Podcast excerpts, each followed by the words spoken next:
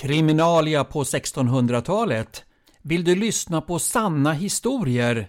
Olika rättsfall som handlar om mord, dråp och dödsdomar runt omkring på Falbygden.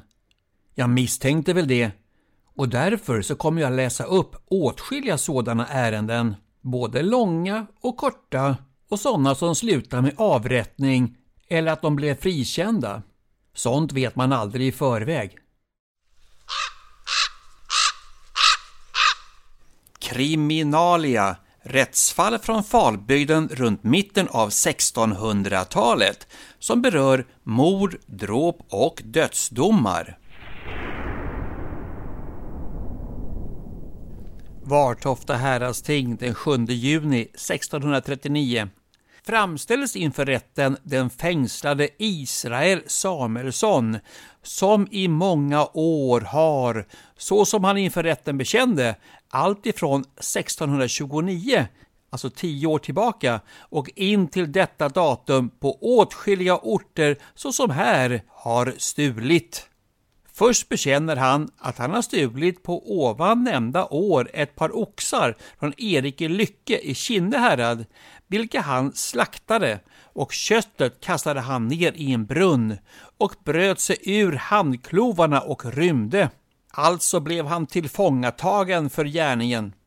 Till det andra har han stulit i Vartofta från Jonny Alarp en svartbläst häst och från han gårdsbo en svart häst och reste därmed genom Östergötland och Närke upp till Ervalla herrgård i Närke där han avyttrade en stor del.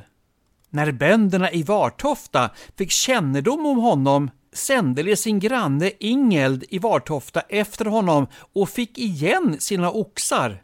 Somliga hade han avyttrat, men blev penningarna mäktig, det vill säga de tog pengarna ifrån honom. Och den ena svarta hästen kom Israel till skogs med, den lyckades han gömma. Därtill bekänner han att han har stulit under föregående år på olika orter, som till exempel Horsåsen i Murarps socken här i Vartofta härad.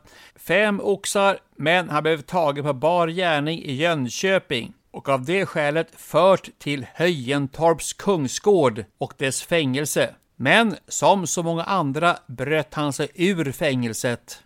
Därtill blev han fångad i Västerås med två hästar som han också hade stulit. Därtill så stal han ett sto i Ledsjö när han rymt från fängelset i Höjentorp, vilket han bekänner. Han har också här omkring i häradet stulit oxar på alla orter under de tider som han har vistats här. Men det vill han inte bekänna. Så som exempelvis Erik i trädgården, fyra stycken oxar, i Näst, åtta stycken, i Sjörstorp, fem stycken, i Friggeråker, 14 stycken, i Kälvene, tre stycken, i Varv, tre stycken. Men han vill inte göra någon bekännelse. Men stölden från välborne Lars Larsson i Vägestorp i Kvänum, sju oxar, det bekänner han.